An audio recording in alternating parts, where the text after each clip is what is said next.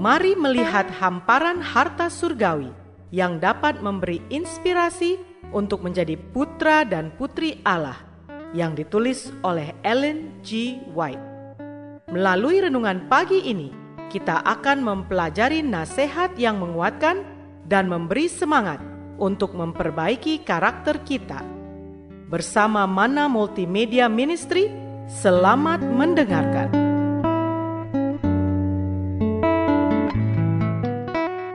Shalom, selamat pagi saudaraku. Renungan pagi kita hari ini 19 Mei berjudul Ia tidak campur tangan pada orang-orang yang berkuasa. Bersama saya, Pendeta Andre Daembani. Ayat intinya diambil dari Yohanes 18 ayat 36. Demikian firman Tuhan. Jawab Yesus, "Kerajaanku bukan dari dunia ini." Jika kerajaanku dari dunia ini, pasti hamba-hambaku telah melawan, supaya aku jangan diserahkan kepada orang Yahudi.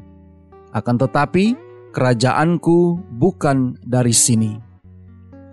Mari kita dengarkan penjelasannya.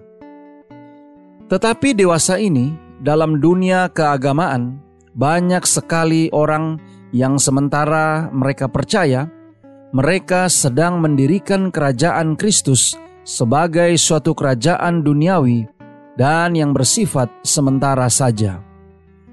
Mereka ingin menjadikan Tuhan kita pemerintah kerajaan-kerajaan dunia ini, pemerintah di singgah sana dan ruang pengadilannya, di istana-istana dan di pasar-pasar. Mereka mengharapkan Dia untuk memerintah dengan perantaraan undang-undang yang sah dipaksa oleh kekuasaan manusia. Karena Kristus tidak ada di sini sekarang secara pribadi, maka mereka sendiri mau bertindak sebagai gantinya. Menegakkan suatu kerajaan seperti itulah yang diingini oleh orang Yahudi pada zaman Kristus. Tetapi ia berkata, Kerajaanku bukan dari dunia ini. Ia tidak mau menerima tahta duniawi. Pemerintahan di mana Yesus tinggal bersifat bejat dan suka menindas. Di mana-mana terdapat ketidakadilan, pemerasan, sikap menolak faham lain, dan kebengisan yang menindas. Meskipun demikian, Juru selamat tidak berusaha mengadakan pembaruan sipil. Ia tidak menyerang kejelekan dalam kebiasaan nasional ataupun mempersalahkan musuh-musuh bangsa. Ia tidak mencampuri kekuasaan atau jabatan orang-orang yang memegang tampuk pemerintahan. Ia yang menjadi teladan kita menjauhkan diri dari pemerintahan duniawi bukan karena ia bersikap acuh tak acuh terhadap penderitaan manusia, melainkan sebab obatnya bukan terdapat hanya dalam tindakan manusia atau secara lahiriah. Supaya berhasil baik, obat itu harus mencapai manusia secara pribadi dan harus membarui hati.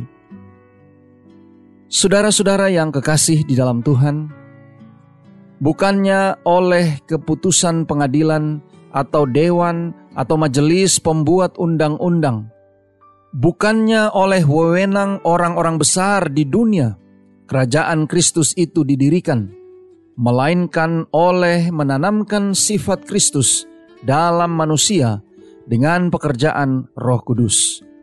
Tetapi semua orang yang menerimanya diberinya kuasa supaya menjadi anak-anak Allah, yaitu mereka yang percaya dalam namanya.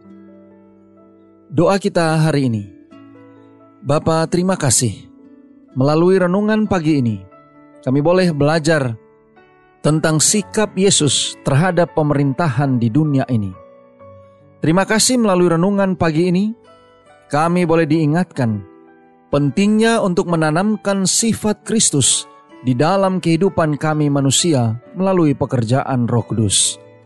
Tolong kami hari ini Bapa, biarlah dengan pertolongan kuasa roh kudusmu, kami boleh dapat disanggupkan menghidupkan firman yang sudah kami dengarkan, agar kami dapat selalu menerima Engkau, agar kami boleh senantiasa menerima tawaran keselamatan yang berasal daripadamu, yang menjadikan kami anak-anakmu dan menjadi pewaris kerajaan sorga.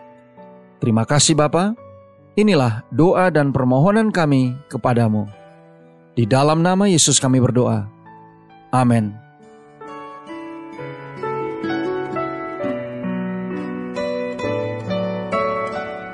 Demikianlah tadi pembahasan tentang menjadi putra dan putri Allah.